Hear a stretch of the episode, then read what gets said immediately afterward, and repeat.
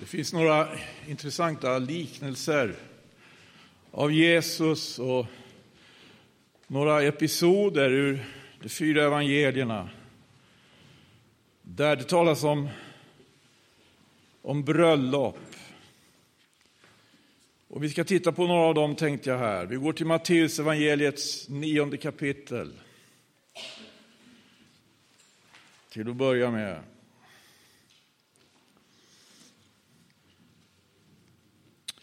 Där det var kollisioner både med fariseer och lite kollision också med Johannes lärjungar. Det står i 14 versen så här. Efter en, efter en dispyt där med fariseerna så heter det Därefter kom Johannes lärjungar till honom och sa varför fastar inte dina lärjungar då vi och fariseerna ofta fastar? Jesus svarade dem, inte kan väl bröllopsgästerna fasta eller sörja så länge brudgummen är hos dem. Men den tid ska komma då brudgummen tas ifrån dem och då ska de fasta. Ingen sätter en lapp av okrympt tyg på en gammal mantel. För det isatta stycket skulle riva bort ännu mer av manteln och hålet skulle bli värre. Ej heller slår man nytt vin i gamla skinnläglar. Om någon så gjorde skulle läglarna sprängas sönder och vinet spillas ut jämte det att läglarna fördärvades. När man slår nytt vin i nya läglar så blir båda delarna bevarade. Det här är Jesus svar på frågan varför han och hans lärjungar inte fasta. Det handlar alltså, och hur ska vi förstå det här svaret? Eh, det är ju inte ett direkt svar, utan han, han kommer med tre olika bilder här. Och den första bilden, eller liknelsen, det är alltså av ett bröllop som är på gång. Ett pågående bröllop. Där finns nämligen brudgummen.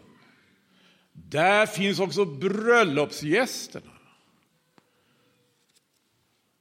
Och det skulle verkligen inte passa att bröllopsgästerna sörjde när det pågick ett bröllop.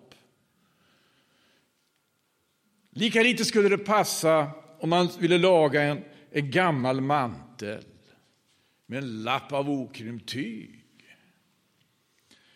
Eller fyllde nytt vin i gamla skinnläglar. Har det här någonting med oss att göra som lever i denna tid?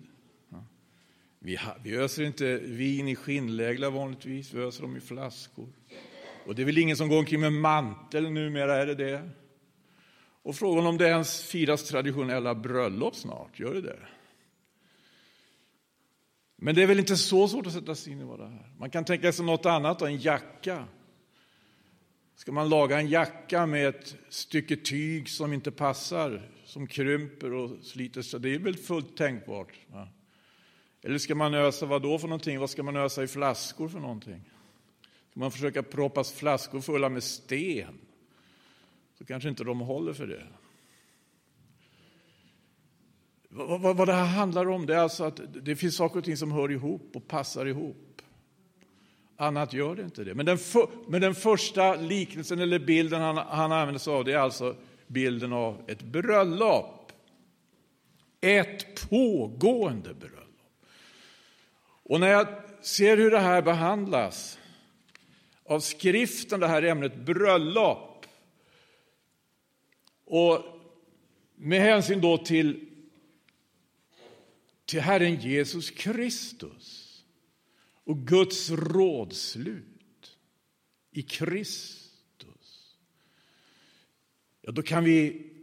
Eh, det, det, det är väldigt intressant att se. Det fanns alltså... Det pågick ett bröllop. Vad, vad, vad betyder det? Det betyder att när Jesus är nära, då är det, då är det någonting av fest, är det inte det? Det, det är en, en högtid när Jesus är nära. I Johannes evangeliet så koncentrerar sig evangelisten just väldigt, väldigt mycket på de stora högtiderna och hur Jesus och hans lärjungar kommer till dem, till de stora högtiderna i Jerusalem. Och det finns en högtidlig ton i Johannes evangeliet som inte finns i de andra evangelierna. En högtidlig ton. Det är som, ett, det är som att äh, evangelisten och aposteln han vill verkligen få fram någonting om högtidslivet i Kristus. Högtidslivet i Kristus. Det högtidsliv som,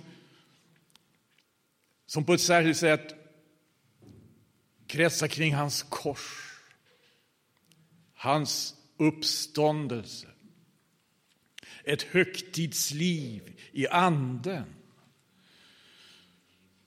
Liknelsen i Matteus 9 kapitel om bröllopet. Jesus säger uttryckligen, inte kan väl bröllopsgästerna sörja när brudgummen är hos dem? Vem är brudgummen? Vilka är bröllopsgästerna? Vad var det frågan om? Det var frågan om Jesus och hans lärjungar. Och varför de inte fasta? Och Jesus svarar, bröllopsgästerna ska vi inte sörja när brudgummen är närvarande. Johannes döparen blir också tillfrågad och hade sitt svar i Johannesevangeliets tredje kapitel. Det är en lite annorlunda fråga. Det står i 25 versen där att det, stod, det uppstod en, en, en tvist mellan Johannes lärjungar och en jude om reningen. Och det kom till Johannes och sa till honom Rabbi se, den som var hos dig på andra sidan Jordan, den som du har vittnat om. Han döper och alla kommer till honom. Johannes svarade och sa, en människa kan inte ta om det inte blir henne givet från himmelen. Ni kan själva ge mig det vittnesbördet att jag sa, inte jag Messias. Jag är bara sänd framför honom. Brudgum är den som har bruden. Men brudgummens vän som står där och hör på honom. Han gläder sig storligen åt brudgummens röst. Den glädjen är mig nu given i fullt mått. Johannes döparen talar också om Jesus som brudgum. Jesus själv förnekar inte att det är det han är. Han säger, inte kan väl bröllopsgästerna sörja när brudgummen är hos? Om det är bröllopsgäster närvarande, då borde det väl pågå ett bröllop då? Annars är det väl ingen idé att ha, ha bröllopsgäster? Om brudgummen är närvarande, då är det väl definitivt frågan om ett bru, bröllop. Bröllop. Men vad är bruden då? Vad är bruden? Det fanns ingen brud som han pekade på eller sa något om. Men hon borde väl vara med hon, hon med. Ja? Johannes döparen talar om bruden. Brudgum är den som har bruden, säger han. Men brudgummens vän som står där och hör på honom. Det här är hans svar på frågan om att Jesus döper så många. Här har vi nu några som i de här två ställena från Matteus och Johannes evangelium så, så, så, så ser vi att det finns bröllopsgäster, det finns en brudgum, det finns definitivt en brudgum. Det finns tydligen en brud också då, eftersom Johannes döparen säger någonting om den saken. Vem är bruden? Var är bruden? Det är intressant att lägga märke till att Även andra liknelser av Jesus handlar ju om det här med bröllop. Och vi kan gå till, Johan, vi kan gå till Matteus evangeliets 25 kapitel. Det står så i början där. Det är också en liknelse om himmelriket. Från Matteus evangeliets 19 eller 20 kapitel fram över 25 kapitel finns flera liknelser, flera liknelser. De första liknelserna som Jesus ger oss är med himmelriket är det så här. Men från och med jag tror att från och med den här liknelsen så börjar han säga med himmelriket kommer det att bli, eller kommer det att vara. Då ska det vara med himmelriket, så som när tio jungfrur tog sina lampor och gick ut för att möta brudgummen. Men fem av dem var oförståndiga och fem var förståndiga. De förståndiga tog väl sina lampor men tog ingen olja med sig. De oförståndiga tog väl sina lampor men tog ingen olja med sig. De förståndiga återtog olja i sina kärl tillika med lamporna. Då nu brudgummen dröjde blev de alla sömniga och somnade. Men vid midnattstiden göd ett anskri, se brudgummen kommer, gå ut och möt honom. Då stod alla jungfrurna upp och redde till sina lampor. Och det oförståndiga sa till det förståndiga, ge oss av er olja, för våra lampor slockna. Men det förståndiga svarade och sa nej, den skulle ingalunda räcka till för både oss och er. Gå hellre bort till dem som sälja och köp åt er. Men när de gick bort för att köpa kom brudgummen. Och det som var redo gick in med honom till bröllopet och dörren stängdes igen. Omsider kom också de andra jungfrurna och sa, Herre, Herre, låt upp för oss. Men han svarade och sa, sannerligen säger jag er, jag känner er icke. Vaka för den skull, ty ni vet icke dagen, ej heller stunden. Här i liknelsen finns det också ett bröllop. Det finns också en brudgum. Det finns tärnor, fem av dem var förståndiga och fem var oförståndiga. Men någon, någon brud sägs det inget mer bestämt om. Men hon borde väl vara med hon med. Va? Liksom i Matteus evangeliets nionde kapitel så finns det en viss uppsättning. Här fylls liksom här fylls det på då. Det var bröllopsgäster, det var brudgum, nu har vi tärnor också. Tärnor.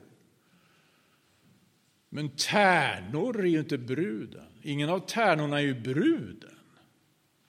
Det är det ju inte. Tärnorna har fått sin uppgift och det är att de ska vara med och lysa. De kanske ska följa bruden när hon går fram med brudgummen eller stå där. Men inte någon av tärnorna bruden. Ingen av tärnorna är brud, vare sig de fem oförståndiga som inte kom in eller de förståndiga som kom in. Är ju bruden. Vad tråkigt. Och jag trodde jag skulle vara, om jag var en tärna som hade olja i kärl och lampa, skulle få gifta mig med Jesus. Eh, tärnorna, ska, inte, inte någon av dem är bruden. De är med, några av dem, under bröllopet.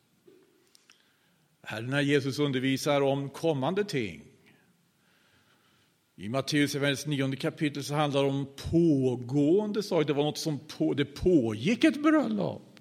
Hur kunde det vara möjligt? Jo, men när Jesus är närvarande så det pågår alltid något stort. Det pågår alltid något högtidligt, något högtidligt när Jesus är närvarande. Det går mycket väl att tala om ett bröllop. Det gick att tala om det, han, han gjorde det själv. Han sa att det pågår ett bröllop här.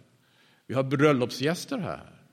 Det finns en brudgum här. Varsågod och respektera det. Men, men, men det var ingen som ställde den frågan. Vad är bruden då? Och när det gäller den här liknelsen om de tio jungfrurna så är det klart det är helt tydligt att det måste finnas en brud. Men uttryckligen sägs ju ingenting om brud. Ska vi se en annan liknelse, om möjligt ännu märkligare, ännu märkligare. i det här avseendet. Då går vi till Lukas evangeliets tolfte kapitel.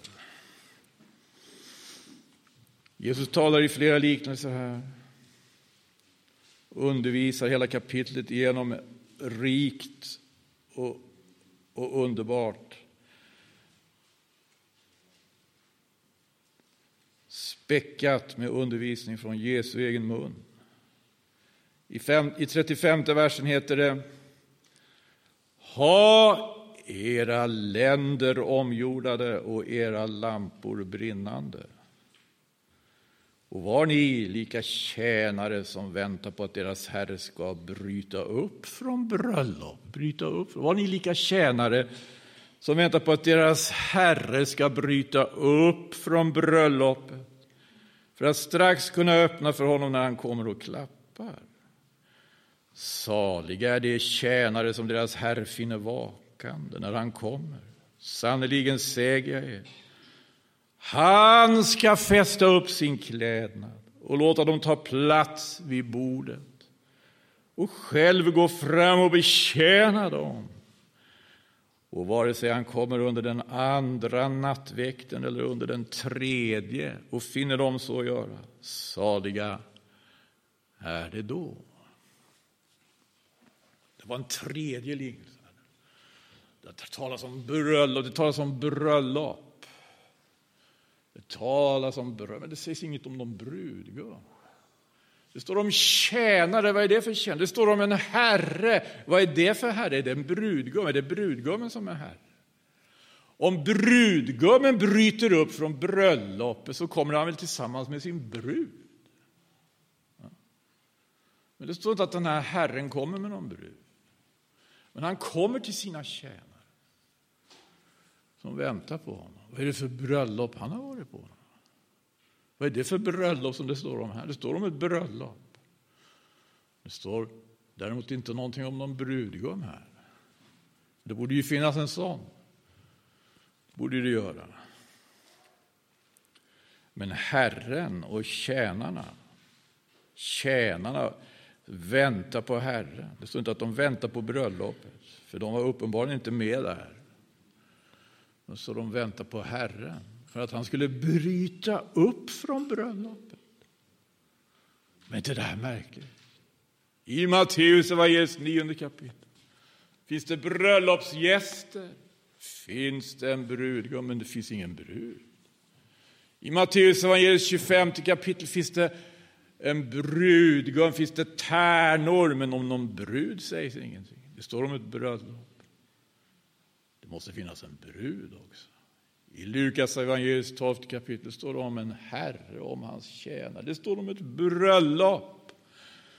Men vems bröllop det är, det är lite en öppen fråga, är det inte det? Skulle Herren i den här liknelsen vara brudgummen, då borde han väl komma med sin brud när han bryter upp från bröllopet. Vems bröllop var det? Han besökte. Men alla de här liknelserna har ju tydligt och klart den här meningen. I alla fall de två med tärnorna och med tjänarna. Det är, det är liknelser som, som Herren ger med avseende på ändens, med avseende på att vara vaksam inför hans tillkommelse.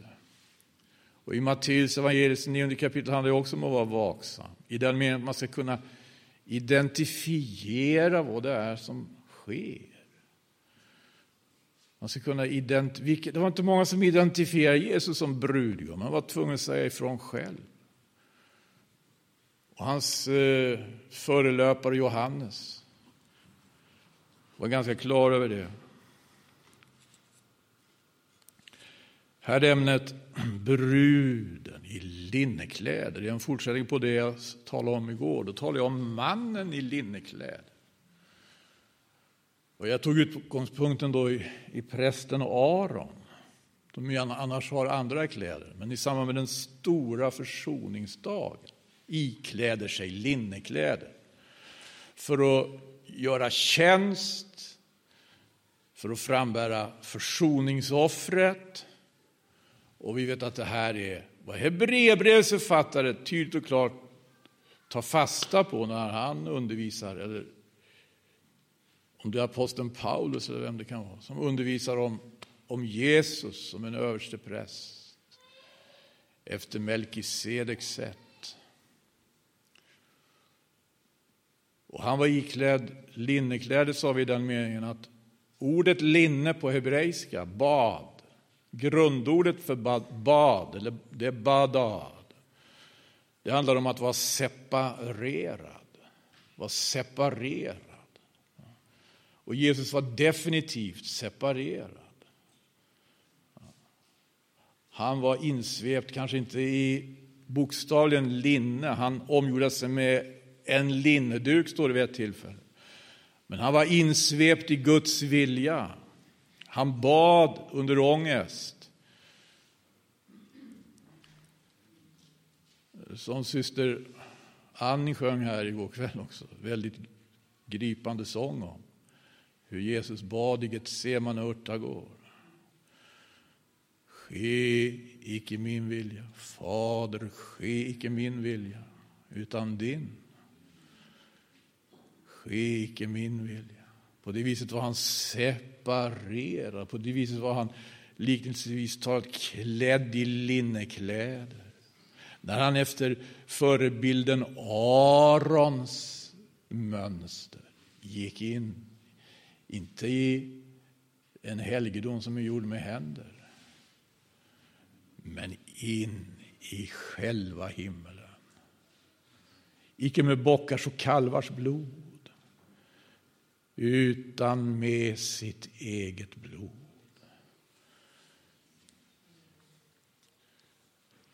Den här liknelsen om brud och brudgum, den finns ju djupt nedlagd i skriften. Den finns ju också i Gamla testamentet som en bild på förhållandet mellan Gud och hans folk. Och några som onekligen ägnar sig åt det här slaget av bildspråk, det är ju profeterna Jeremia och Hesekiel.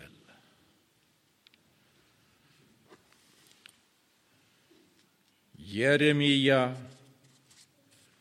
i, i inledningen av sin, av, sin, av sin bok.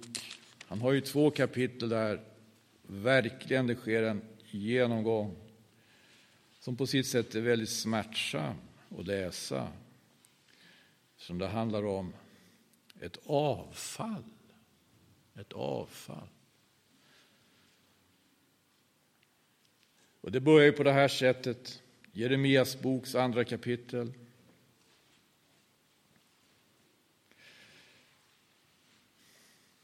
Herrens ord kom till mig, han sa Gå stad och predika för Jerusalem och säg Så säger Herren.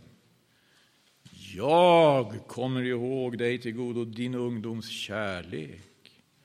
Hur du älskade mig under din brudtid. Hur du följde mig i öknen i landet där man intet såg. Gamla testamentets profeter verkar tydligare här med bruden, brudens närvaro. Bruden. Det här, är, det här är Herrens ord till Israel, står det. Genom profeten Jeremia. Det är Herrens ord till Jerusalem. Jag kommer ihåg dig till godo, din ungdoms kärlek hur du älskade mig under din brudtid, brudtid. Hur du följde mig i öknen i landet där man inte såg. Men så går, går han igenom den här verkligen sorgliga dialogen med Gud som det här folket då för och kommer med invändning efter invändning, invändning efter invändning mot Gud och hans vägledning och hans vilja. Och profeten, jag ska inte gå igenom allt det nu, men profeten så att säga summerar upp det här ibland, till exempelvis i trettonde versen. Ty mitt folk har begått en dubbel synd. Mig har de övergivit, en källa med friskt vatten. Och de har gjort sig brunnar, usla brunnar som icke hålla vatten. Den här bilden, den här jämförelsen är ägnad åt att beskriva förhållandet mellan Gud själv och avgudarna. Därför det står att Israel gång på gång föredrog avgudarna framför Gud. Och det står ju helt klart tanken här, då, om vi går till tredje kapitlet.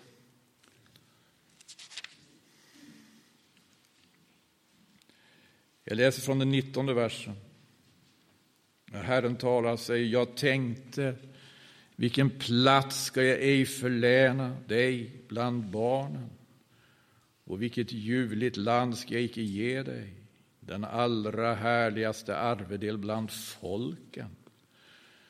Och jag tänkte, då ska ni kalla mig fader och icke mer vika bort ifrån mig. Men så som när en hustru är trolös mot sin make, så har ni av Israels hus varit trolösa mot mig, säger Herren.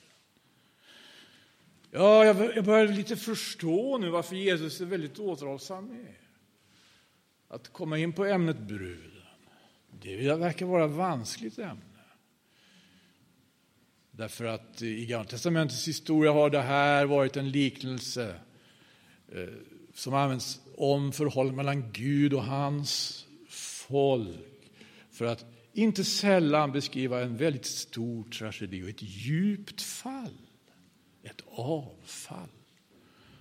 Och jag, jag märker att om jag, om jag, när vi går till Hesekiel så skrev ju inte han orden. Men eh, Hesekiel 16 kapitel, liksom 23 kapitlet, 16 kapitlet talas om just Jerusalem. Ja. Men i 23 kapitlet Samaria och Jerusalem. Jerusalems trohetsbrott är 16 kapitlet rubricerat. Och det är också en liknelse av det här slaget. Hur Gud kommer och finner sitt folk då i ett eländigt tillstånd, utkastad i öknen. Men tar sig an sitt folk, tar sig an henne. Han, han skriver som att det är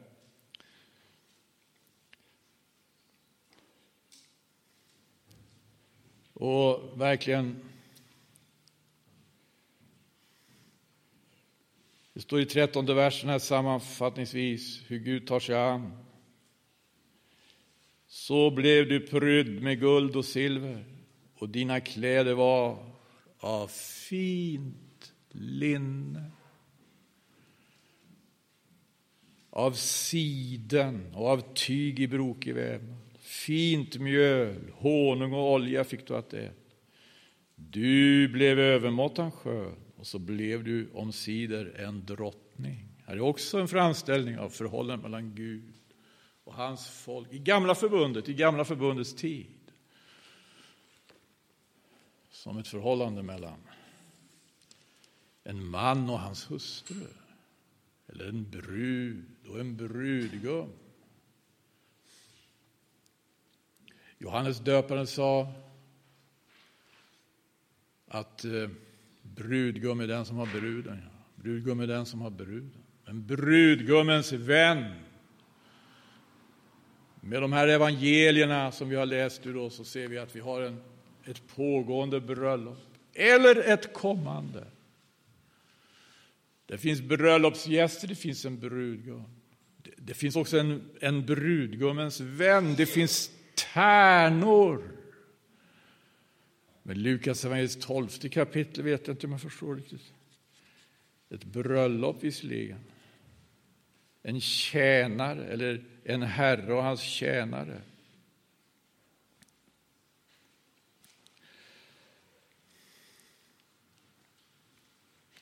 Men eh, går vi till aposteln Paulus i, i Andra Korinthierbrevet, så står det ju helt klart här.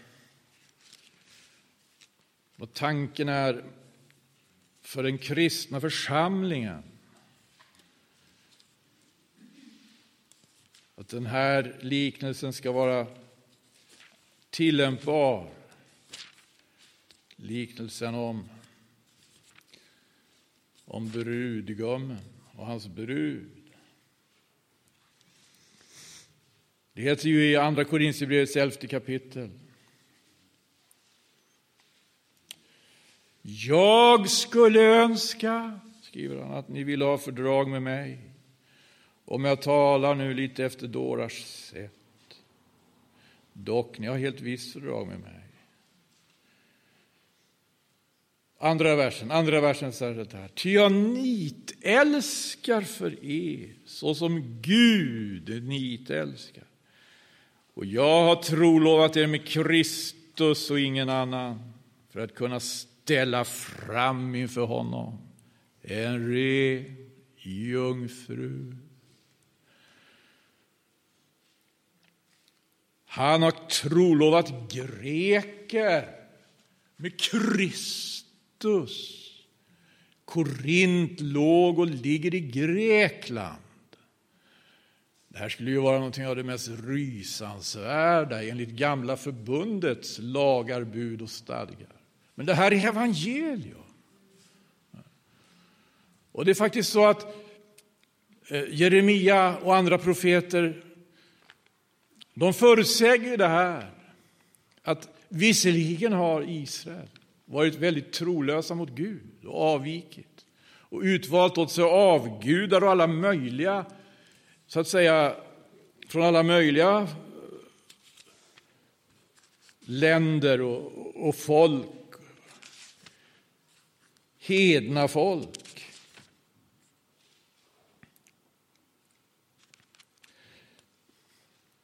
Det är kanske Jesaja som får fram det här, faktiskt. Något av Jesaja får fram det här.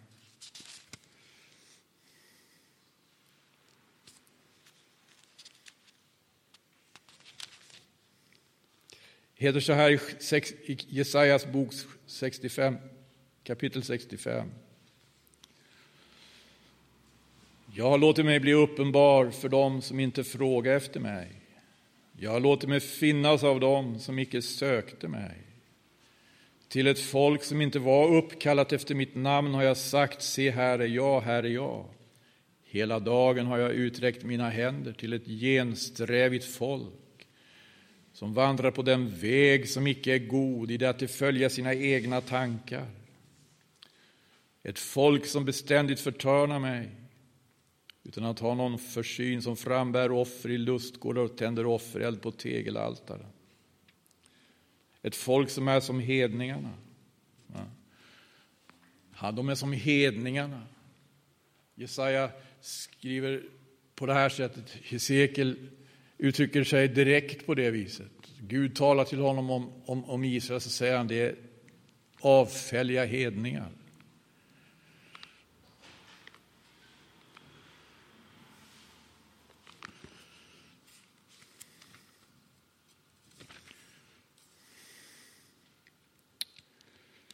Det heter i Hesekels andra kapitel. Herren talar till profeten och det, han är medtagen av den här erfarenheten att Gud talar. Han kan inte stå upp. Gud reser upp honom och så säger han så här. Hesekiel kapitel 2, vers 3. Du människobarn, jag sänder dig till Israels barn, de avfälliga hedningarna som har avfallit från mig. De och deras fäder har begått överträdelser mot mig allt intill den dag som idag är. Och Hesekiel och Jesaja då, Gud har uträckt sina händer, han har uträckt sina händer. Hela dagen har han uträckt sina händer mot ett folk som är ett avfälligt hednafolk. Förstår? Då skulle han ju lika gärna kunna räcka ut sina händer till ett hednafolk. Då. Om Israel uppträdde som ett avfälligt hednafolk, då kunde han ju lika gärna räcka ut sina händer till ett hednafolk istället. Men det är precis det han gör. Han räcker ut sina händer till ett hednafolk, inte bara ett. Han räcker ut sina händer när Israel avföll till hedningarna. Ja. För att hedningarna ska kunna få, få ta del av Guds nåd. Och då blev hedningarna glada, står det, när apostlarna predikade.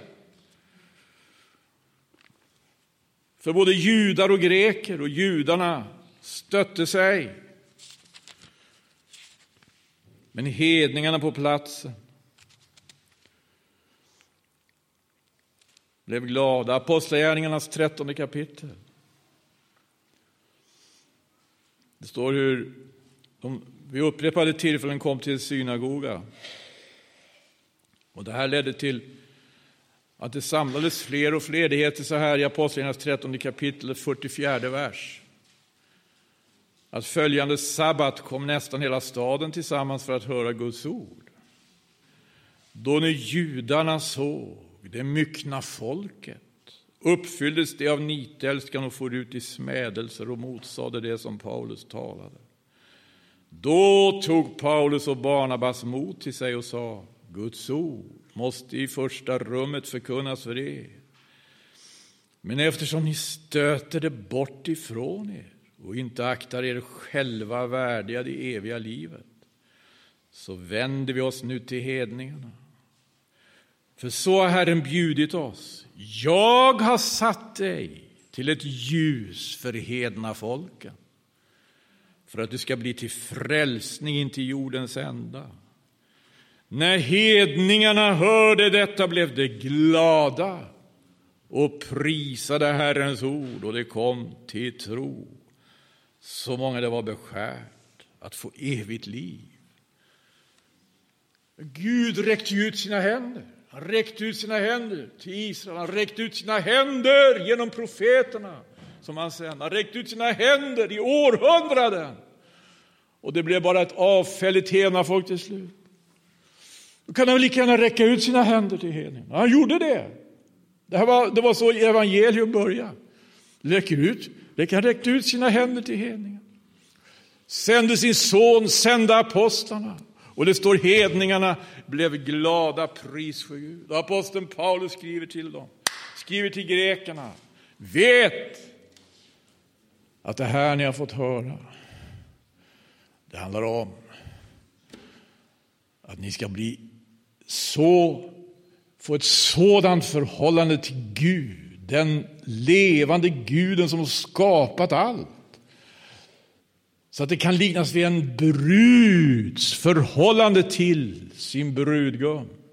Jag nitälskar för er, så som Gud nitälskar. Och jag har trolovat er med Kristus och ingen annan, Kristus och ingen annan. För att kunna ställa fram inför honom en ren jungfru. Men så finns det en farhåga.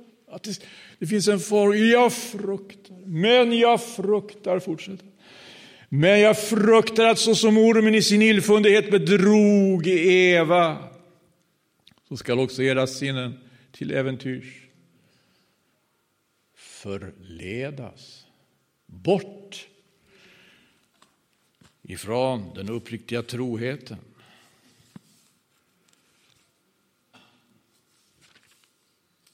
Bruden i linnekläder. Vad uttrycker linnet här? Jag tror, när det gäller mannen i linnekläder så handlar det om en uppgift. När det gäller bruden i linnekläder så har vi dels enligt profeten Hesekiel ett uttryck för Guds omsorg. Men eh, framför allt en stor ära i, det, i den ofattbart storslagna det som är målet för Guds handlande. Som vi läser om i Uppenbarelseboken. Åt henne, Uppenbarelsebokens 19 kapitel, har blivit givet att kläda sig i fint linne, skinande och rent. Åt henne har blivit men här har vi nu den kristna församlingen, då, den kristna församlingens historia. Det här har ju alltid funnits. Om vi tänker på vårt land och vårt lands historia. Så när har det inte funnits salmer som på något sätt uttrycker det här? Att den kristna församlingen i Kria, jag vet inte hur många katolska salmer som finns, hur många lutherska salmer, hur många salmer eller sånger som finns i baptisternas och metodisternas sångböcker genom århundraden. Man har. Det här har blivit levande. Det här har varit allvarligt för kristna genom alla tider. Men redan aposteln vet vi, han hade den här farhågan att det för den kristna församlingens räkning också skulle komma att bli en sån utveckling som det var med Israel. Jag fruktar att så som ormen i sin illfundighet bedrog Eva, och skall också era till äventyrs era sinnen bedragas.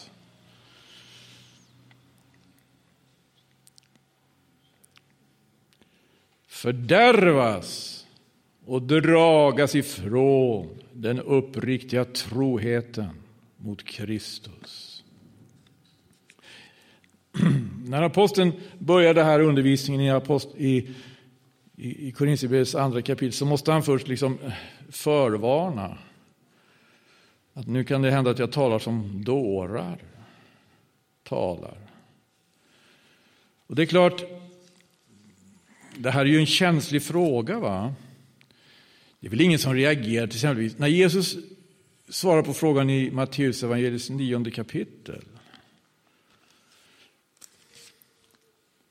Och varför hans lärjungar och han själv inte fastar. Då, säger han ju, då, då svarar han ju med de här tre jämförelserna. För det första, inte kan väl bröllopsgästerna sörja så länge brudgummen är hos dem. Men den tid ska komma då brudgummen tas ifrån och då ska det fasta. Det talas om två tider. Dels en närvarande tid, då Jesus är nära. Jesus är nära. Det är högtid, det är högtid. Det pågår en högtid. Men det ska komma en annan tid.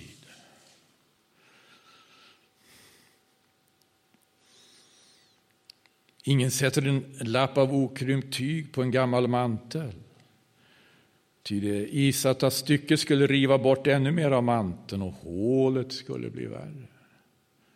Men om jag talar om ett bröllop om brud och brud, får jag fråga vilket engagerar oss mest känslomässigt?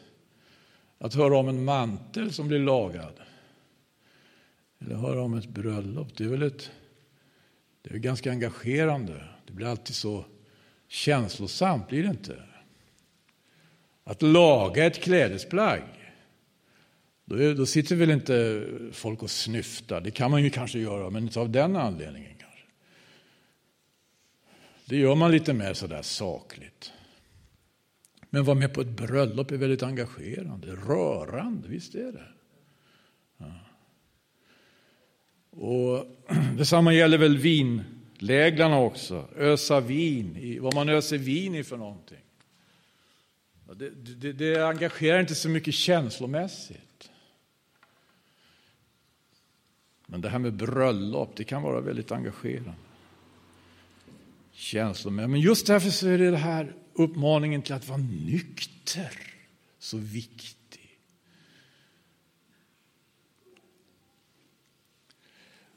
Och verkligen se efter vad Guds ord säger. Ja.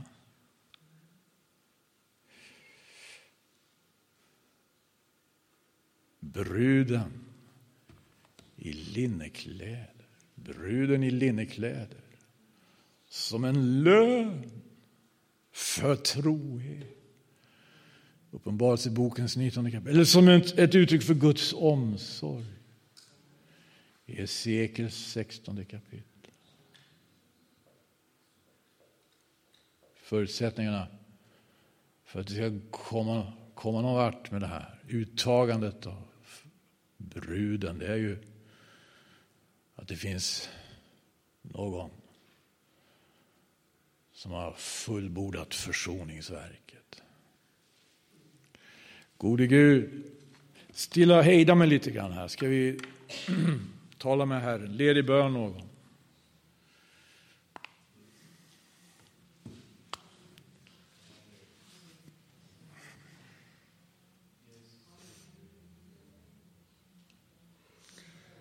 Halleluja.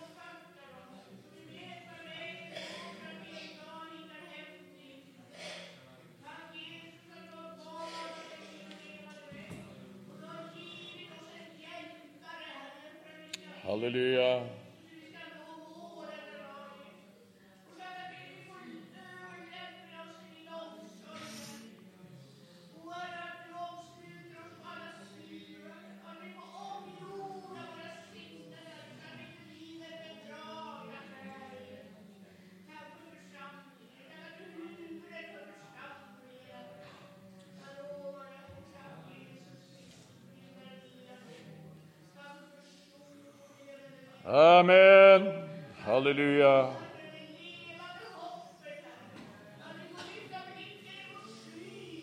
Ja, ja, ja, ja, prise Gud, prise Gud. Prise Gud. Amen. Amen. Parasiledeni kodrodashiki. Amen, amen. Vi prisar dig, vi tackar dig. Brudgummen, brudgummen, amen, halleluja. Bröllopsgästerna, bröllopsgästerna. Brudgummens vän, brudgummens vän. Tärnorna, tärnorna. Och så bruden själv. Gode Gud, bruden själv. Hon finns ju med där det finns en brudgum. Där finns ju också bruden naturligtvis. Till att börja med säger han ingenting om. För det skulle komma en tid då brudgummen skulle tas ifrån dem. Skulle inte tas ifrån bruden, men tas ifrån bröllopsgästerna. Vad är det för ett bröllop som avbryts med att brudgummen tas ifrån dem? Ja, det, det är det vi läser om i, i, i de fyra evangelierna och apostlagärningarna. Hur han togs ifrån dem. Men innan han tog sig ifrån oss så sa han det är nyttigt för er att jag går bort. För om jag icke gick bort så kommer icke hjälparen till er. Men då jag nu går bort ska jag sända honom till er, hjälparen.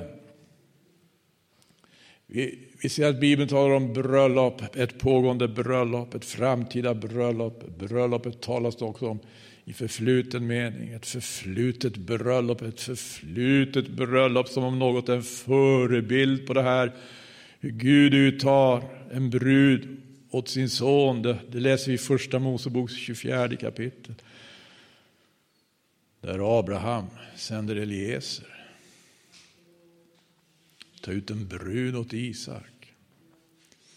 Eliezer. En förebild på hjälparen. Och som sagt, själva urbilden för den mänskliga familjen i Edens lustgård. Aposteln påminner ju om det när han skriver om Guds avsikt med för, församlingen i Grekland. Jag tror lovat er med Kristus och ingen annan.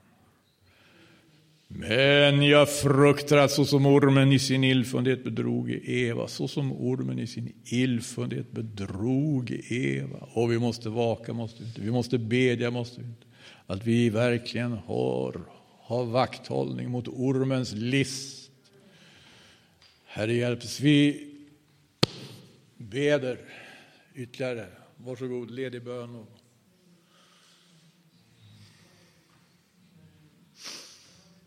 Amen. Vi prisar dig, Halleluja, halleluja. Fukidarit sinerätin toma.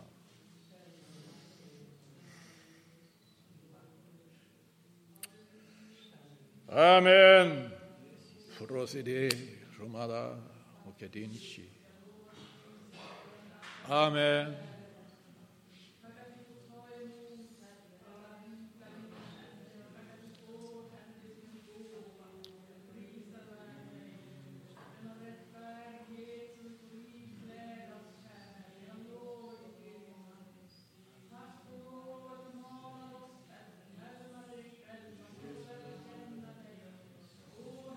Ja, vi beder. Och Gadirat Seldatinto.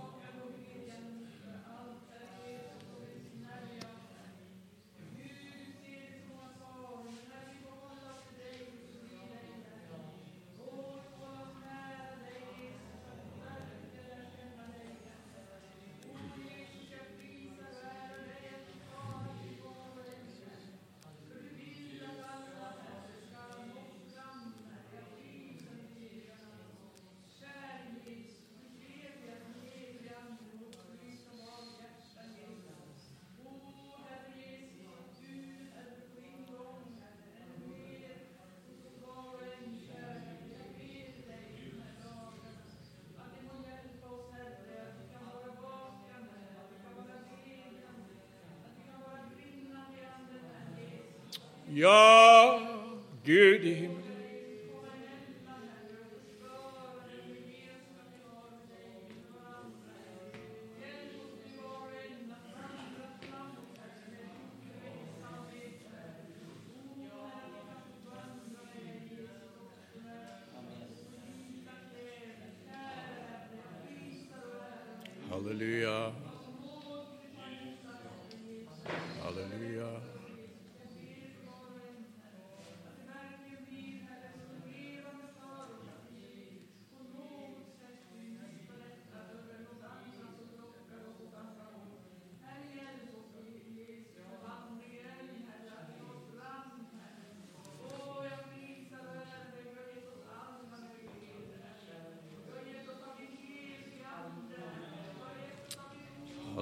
Halleluja, halleluja.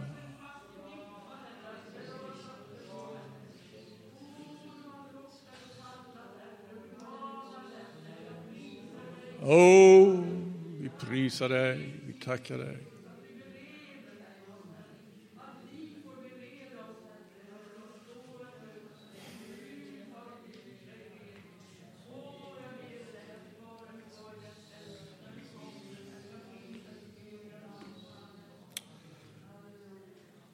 Innan aposteln kommer in på just det här med att undervisa om församlingens förhållande till Kristus som en bruds förhållande. Då var, förvarnar han om att han kommer kanske uttala sig dåraktigt. Tala som en dåre. För han kommer in på någonting intimt. Han kommer in faktiskt på sitt eget intima förhållande till Kristus. Och hur fruktansvärt utmanad han blir i den situationen. Han skriver om prövningar som han inte riktigt vet hur han ska beskriva. Han talar om ett törntagg i köttet, en satans ängel som ska slå honom i ansiktet. Någonting som han måste med under stor kamp både bära och när tillfället kommer att han eventuellt får fram det och får överlämna det. Så det är inte säkert att det går så bra. Första och andra Korinthierbrevet är en oerhörd läsning. Det är, en, det, det är fascinerande att se exempelvis hur profeterna ibland uttrycker sig, apostlarna. Jeremia är ju en profet som för ett många gånger väldigt mycket resonemang så att man inte är riktigt klar över om det är han själv som talar eller om det är Gud som talar genom honom. Och just när det kommer till den här frågan, eh, när han klagar över Israels avfall, då heter det så här i Jeremias eh, 12 kapitel.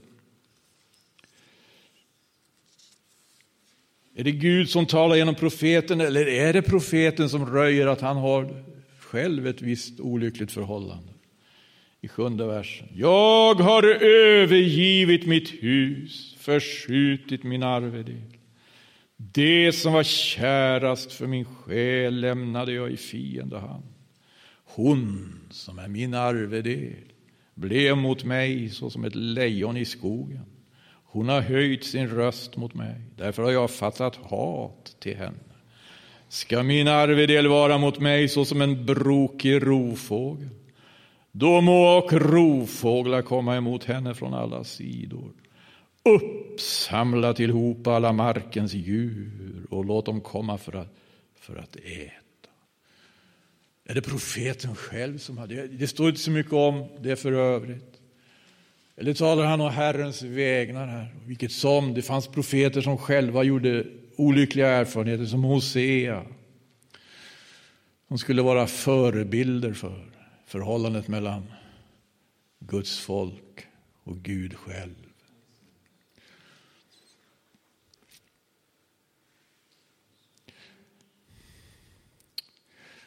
Va?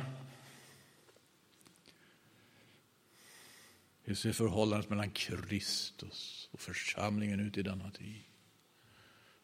Vi vet församlingen, vi brukar tänka om församlingen på tre olika plan. Dels det universella, det finns en universell församling. Dels det lokala, det, bör, det finns lokala församlingar, det bör finnas lokala församlingar. Lokala församlingar som har så pass mycket av alltså, integritet att de eh, är verksamma på ett sådant sätt som Kristus själv menar att en lokal församling ska vara. Det finns husförsamlingar. Det finns, det, finns, det finns möjligheter att tjäna Gud på olika nivåer kan man säga. Jesus säger ju själv att det finns eh, en möjlighet att vara församlade två och tre. Va? Var två och tre är församlade i mitt namn. Då befinner jag mig mitt ibland. Det finns ett sätt att liksom ta itu med frågor och problem också som han, när han i viss ordning om din broder försyndar sig så förehåll honom det enskilt.